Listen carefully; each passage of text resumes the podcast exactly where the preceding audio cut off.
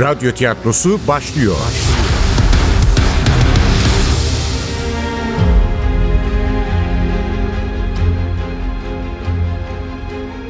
Sergey Nikolayevich Yerkovski'ye ne oldu? 7. bölüm. Eser Ahmet Ümit. Seslendirenler Başkomiser Nevzat, Nuri Gökaşan, Ali Umut Tabak, Zeynep Dilek Gürel, Jerkovski İsmail Yıldız, Leyla Baturgil Neslihan Arslan, İsmet Müdür, Yaşar Karakulak, Ziver Hakan Vanlı, Evgenya Funda Kıpçak, Yekta Mustafa Dinç, İhsan Hakan Akın, Efektör Cengiz Saral, Ses Teknisyeni Hamza Karataş, Yönetmen Ergun Göcen.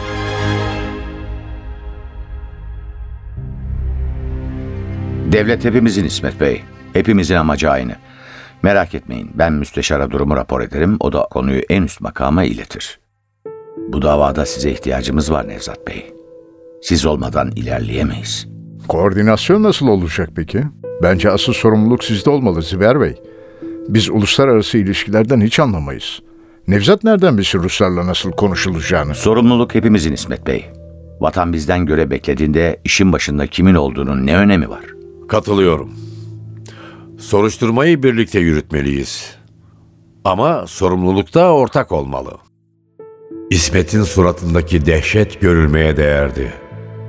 Ne yaptın Nevzat diye bakıyordu. Hem kendini hem de beni yaktın. Ziverse son derece mutluydu. Derhal konuya girdi. Ben yetkililerle konuşacağım. Bir kriz masası oluşturalım. Muhtemelen Ruslardan da birini alırız. Ama bunun için adamların gelmesi gerek. Bu kartım, iletişim bilgilerim burada. Az önce anlattıklarınızı yazılı olarak e-posta adresime yollarsanız sevinirim. Ayrıca bu gece tetikte olun Nevzat Bey. Her an sizi arayabilirim. Anlaştık Ziver Bey. Ben ve ekibim sizden haber bekleyeceğiz. Sayın Müdürüm, başka mesele yoksa ben izin istiyorum. Bir an önce şu raporu yazayım. Ayrıca ekiptekilerle buluşup bir değerlendirme yapmam lazım. Tabii, tabii Nevzat. Allah kolaylık versin. Eminim içinden Allah belanı versin Nevzat diyordu. Ziverse daha önce onda hiç görmediğim bir coşkuyla sıktı elimi. Kolay gelsin. Sizinle çalışmak benim için şereftir. Daha fazla uzatmanın alemi yoktu. Gülümseyerek ayrıldım yanlarından.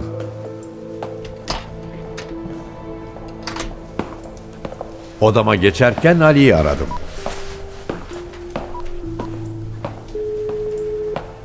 Başkomiserim. Arap Abdo ile konuştuk. Bunlar 12 kardeşmiş. Büyük bir fırın açmışlar. Aksak Osman'ınkine rakip.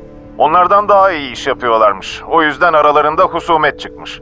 Adam kaçırma iddialarını kesinlikle reddediyor.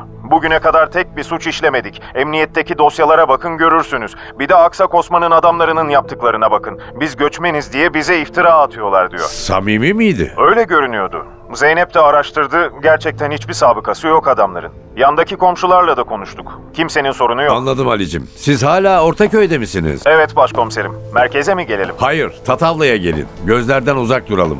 Ben de oraya gidiyorum. Telefonu kapatırken odama gelmiştim bile. Hemen oturup raporumu yazdım.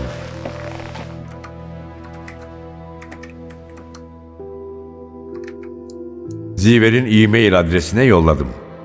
İsmet'in kafamı ütülemesini istemediğim için de aceleyle çıktım merkezden. Vakit neredeyse gece yarısına geliyordu. 10 dakikada vardım sevgilimin meyhanesine. Tatavlanın dar koridorundan adımımı atar atmaz Müdür Nurettin Selçuk'un sesi çalındı kulaklarıma.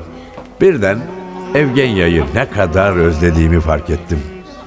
Üç gündür görmemiştim onu. Ne buraya ne de eve uğramıştım. Aziz de burnumda tütüyordu. Bahçeye girince gözlerim sevdiğim kadını aradı. Onun yerine havuz başındaki masada oturan Zeynep'le Ali'yi ve iki farklı masada oturan son müşterileri gördüm. Bizimkilerin oturduğu masanın üzeri boştu. Bir şişe sürahi, üç bardak hepsi bu. Yoksa Evgenya gitmiş miydi? Bakıcı kadın gelmediyse Aziz'e bakmak zorunda kalmıştır. Kabahat bendeydi. Gelmeden önce aramalıydım. Ama o kadar yoğun bir gündü ki. Ha aradım ha arayacağım derken unutmuşum işte. Çok kıymetli bir şeyimi kaybetmiş gibi oldum. İçimde büyüyen burukluğu yemeğimizi yer, sonra eve gider, görürüm Evgenya'yı ve bastırırım diye düşündüm. Nevzat. Nevzat Hakimu. Gecenin bu saatinde bu sesten başka hiçbir şey mutlu edemezdi beni. Döndüm, sevgilim karşımda duruyordu. İki elinde ikişer meze tabağı, bizim çocuklara yiyecek taşıyordu. Hoş geldin Nevzat. Yeşil gözlerindeki ışıltı, sesindeki sevinç bir anda bütün yorgunluğumu aldı götürdü. Ee, ne diyordu şarkı? Vücut ikliminin sultanısın sen. Efendim derdimin dermanısın sen. Sahiden de sevginin iyileştirici bir gücü vardı. Elbette yalansız olanın, çıkarsız olanın, hakiki sevginin gücü vardı. Eğer sizi samimiyetle seven bir kadın varsa mutlu olmanız için yeterince sebebiniz var demekti. Bu sevgiyi ne kadar hak ettiğim çok su götürürdü ama o şanslı erkeklerden biriydim ben. Hoş bulduk Evgenya.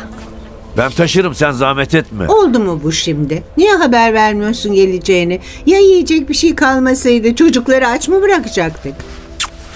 Sen kimseyi aç bırakmazsın Evgenyacığım. Senin kapına gelip de aç dönen tek Allah'ın kulunu görmedim ben. Hem bizim çocuklar kalenderdir. Sen ne koyarsan önlerine büyük bir afiyetle yerler. Evet evet hiç zahmet etmeseydiniz ne varsa yeriz. Siz oturun bakayım.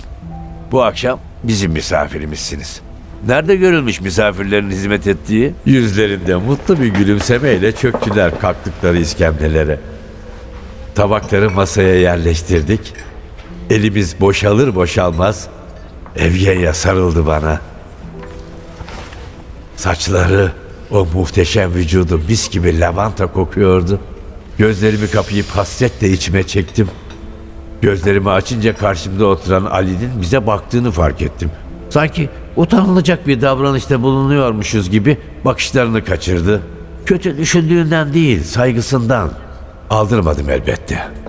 Ruhum, bedenim azıcık da olsa doyuncaya kadar kopmadım sevgilimden. Evgen yanında benden farkı yok. Aslında bu konularda o benden çok daha cesurdu ama Tatavların ortasında insanların gözü önündeydik. Elbette çok uzun sürmeyecekti. Ayrıldık tabii. Çok özlemişim ben Nevzat. Söyle bakalım üç gündür neredesin sen? Buradaydım.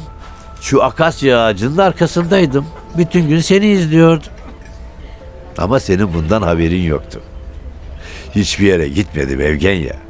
Hissetmedin mi? Yanı başındaydın. Yalan da olsa hoşuma gidiyor.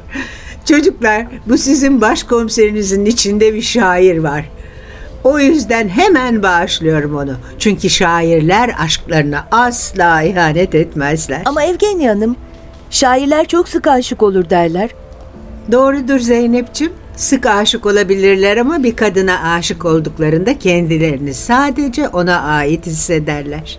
Aksi takdirde o şahane şiirler çıkmaz. Şair gibi görünerek kadın avlamaya çalışan müptezel erkeklerden bahsetmiyorum tabii. Gerçek şairlerden bahsediyorum. Gerçek erkeklerden. Nevzat'ın içinde gerçek bir şair var. Gurur duymam gerekirdi ama şair deyince aklıma Yekta ile Demir geldi. Yekta'nın sesi çınladı kulaklarımda. Şehre bakıyorduk denizden. Nevzat, Demir, bir de ben. Sisler içindeydi İstanbul. Sisler içinde deniz, sisler içinde teknemiz. Sahi kaç yıl olmuştu arkadaşlarımı toprağa vereli. Ne oldu Nevzat? Kederlendin birden. Yok be Evgenyacığım. Ne kederlenmesi. Acıktım sadece. Hem de kurt gibi acıktım. Hadi mutfağa gidelim de ne varsa getirelim. Hiç zahmet etmeyin. Geldi Nevzat Bey, geldi. Hadi köfteleri soğutmadan oturun masaya. Oo İhsan. Hızır gibi yetiştim valla. Ne içersiniz? Bu akşam içki yok. Gecenin nasıl biteceğini bilmiyoruz. Önemli bir soruşturma var. Cinayet mi? Öyle. Adamın biri karısını öldürdü. Belki başka cinayetler de var. Anlayacağın mesele iyice Ya karışık. bir insan bir insan nasıl öldürür? Üstelik eşin, karın. Sevmiyorsan boşasaydın be adam. Ne istiyorsun kadından? Aslında adam karısını seviyormuş. Ama kadın da başka bir adamı seviyormuş. Büyük aşk Evgenya Hanım. Telefondaki mesajların hepsini okudum başkomiserim. Çok enteresan. Cinayeti çözmek için pek ipucu olmasa da yazdıkları çarpıcı şeyler. Acı bir olay. Bir de küçük kızları var. Çok tatlı bir şey. Bizim Azez gibi. Leyla adındaki kadın eski sevgilisiyle kaçmaya hazırlanıyormuş. Rusya'da tanıştığı Jerkovski adında bir doktorla. Gerçi Zeynep daha iyi biliyor konuyu. Bir aşk romanı gibi Evgenya Hanım. Tutkulu bir aşk romanı gibi ama tümüyle gerçek. Ne yazık ki trajediyle biten bir gerçek. 8 yıl önce tanışmışlar Petersburg'da. Leyla Rusya'da inşaatlar yapan bir Türk şirketinin baş asistanıymış. Türkiye konsolosluğundaki davette karşılaşmışlar. İlk görüşte etkilenmişler birbirlerinden. Mesajlarda öyle yazıyor. Teklif Cerkovski'den gelmiş. Ben de Türk kökenli sayılırım fakat Türkçeyi çok iyi bilmiyorum. Bana yardım eder misiniz demiş. Leyla da Türkçe öğretmeye başlamış ona. Elbette ikisinin de gerçek niyeti bu değilmiş. Zaten çok geçmeden sevgili olmuşlar. Ancak bir yıl kadar sonra Jerkovski kanser araştırmaları için iki yıllığına Küba'ya gitmek zorunda kalmış. Leyla bu ayrılığa karşı çıkmış ama Jerkovski için bu iki yıllık pratik çok önemliymiş. Leyla'ya şöyle yazmış. Bunu sadece benim kariyer meselem olarak değerlendirme. Bu aynı zamanda kansere karşı insanlığın verdiği bir mücadele. Yani bu zorunlu ayrılık benim daha iyi bir kariyer yapmamdan çok kanser hastası insanlara şifa sağlamak için gerekli. Yıllardır bu hastalık üzerine çalışıyorum. Çok büyük ilerlemeler kaydettim. Küba'da geçireceğim günler bu çabalarımın sonuç vermesini sağlayacak. Lütfen beni anla. Seni çok seviyorum ama belki de benim tedavimle iyileşecek milyonlarca insana karşı da sorumluluğum var. Fakat sevgilisinin artık ondan bıktığını düşünen Leyla ikna olmamış. Epeyce de öfkelenmiş. İşte o öfke anında sonradan kocası olacak mazlumla karşılaşmış. Çok da beklemeden onunla ilişkiye girmiş. Ama ne kendisinin ne Jerkovski'nin ne de mazlumun bildiği bir hakikat varmış. Leyla hamileymiş. Belirtiler başlayınca test yapmış ve gerçeğin farkına varmış. Ancak çocuğun mazlumdan olduğunu sanmış. İşte bunu anlamıyorum. Nasıl bilmez çocuğun kimden olduğunu? O konuda Jerkovski'den özür diliyor Leyla. Sana çok kızmıştım. O yüzden yaptım bu korkunç hatayı. Çok da düşünmeden belki de sırf seni unutmak için derhal yeni bir ilişkiye başladım. Belli ki çok pişman olmuş. Pişman olsa ne yazar? İnsan ayrıldığı sevgilisini unutmadan nasıl başka biriyle beraber olabilir? Onların neler yaşadığını tam olarak bilmiyoruz Ali'cim. Bence yargılamak yerine anlamaya çalışmak daha iyi. Peki Leyla ne zaman anlamış çocuğun Jerkovski'den olduğunu? Ne zaman olacak başkomiserim? Samara doğduğunda. Kızı gördünüz. Zavallı mazlumla uzaktan yakından alakası yok. Şu şanssızlığa bakın ki anneye de benzemiyor. Kız hık demiş Jarkovski'nin burnundan düşmüş. Ya Allah günah yazmasın ama rahmetli koca da safın tekiymiş. İnsan anlamaz mı yahu? Seven insan en imkansız ihtimalleri bile kabul etmeye hazırdır. Bence mazlum senin dediğin gibi saf falan değil, Leyla'yı deli gibi seven bir adamdı. Belki de olan bitenin farkında olmasına rağmen kadını kaybetmemek için razı olmuştu başkasının çocuğunu büyütmeye. Peki sonra ne oldu da delik deşik etti kadını? Hatta Jerkovski'yi bile öldürmüş olabilir herif. Oysa baştan uyansaydı işe yahut itiraz etseydi bu cinayet işlenmezdi. Aşk be Ali. Aklın bittiği, duyguların başladığı yerden aşktan söz ediyoruz ya. Aşk çok güçlü bir duygu evladım. Bizi bizden alıyor. Ne yazık ki her zaman da olumlu sonuçlar doğurmuyor. Hanımlar bana kızacak ama aslına bakarsan çoğunlukla acıyla bitiyor. Aşk gerçekten de çok yıkıcı bir duygu. Katılmıyorum Nevzat. Cinayetin nedeni aşk değil, insan. Evet, belli ki mazlum Leyla'yı sevmiş ama yeterince sevmemiş. Yeterince seven insan aşık olduğu kişiyi öldürmez. Aşık fedakar olmak zorundadır. E, her aşık da öyle söyler zaten. Senin için ölürüm der. Dünyayı kırmızı bir halı gibi ayaklarına sererim der. Senin için yapmayacağım şey yoktur der. Der de der işte. Ama aşık olduğumuz insanı öldürdüğümüzde onun için değil, kendi öfkemizi yatıştırmak için elimizi kana bularız. Kendi duygularımızı tatmin etmek için. Bunun adı bencilliktir. Korkunç bir bencillik. Vahşetin daniskası. Hayır, hayır Nevzatçım aşk öldürmez. Eğitimsiz, bencil, ruhsal olarak gelişmemiş insan öldürür. Sorun aşkta değil, sorun nasıl seveceğini bilmeyen insanda. Bu vahşeti daha çok erkekler gerçekleştirdiği için sorun nasıl seveceğini bilmeyen erkeklerde. İyi güzel de Evgenya Hanım, mazlumun suçu ne? Adamcağız bir kadına aşık oluyor. Hatta başkasından olan çocuğunu bile kabul ederek onunla evleniyor. Ama yetmiyor. Eski sevgili parmağını şaklatınca kadın bu fedakar adamı bırakarak ona koşuyor. Üstelik mazlumun kızım diye bağrına bastığı çocuğu da yanına alarak. Haklısın Ali'ciğim. Buna itiraz edemem. Sadece aşk derim. Ama bunu olumlu bir neden olarak da gösteremem. Aşk işte. Nevzat'ın söylediği gibi insanın hissedebileceği en yıkıcı duygu. Hepimiz bunu biliriz aslında. Yani bilmesek de hissederiz. Gel gör ki bu duygudan da vazgeçemeyiz. Kapımızı çaldığında biraz tereddüt etsek de çok fazla bekletmez. Büyük bir heyecanla buyur ederiz içeriye. Eh bedelini de öderiz tabii sonunda. Niye böyle olsun ki? Gasp bürosundan Nuri arıyor. Ne oldu acaba? Alo, evet Nuri.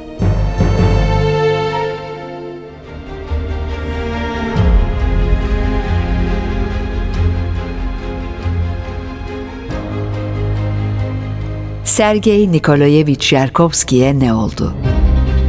Eser Ahmet Ümit Seslendirenler Başkomiser Nevzat Nuri Gökaşan Ali Umut Tabak Zeynep Dilek Gürel Jerkovski İsmail Yıldız Leyla Baturgil Neslihan Arslan İsmet Müdür Yaşar Karakulak Ziver Hakan Vanlı Evgenya Funda Kıpçak Yekta Mustafa Dinç İhsan Hakan Akın Efektör Cengiz Saral Ses Teknisyeni Hamza Karataş Yönetmen Ergun Göcen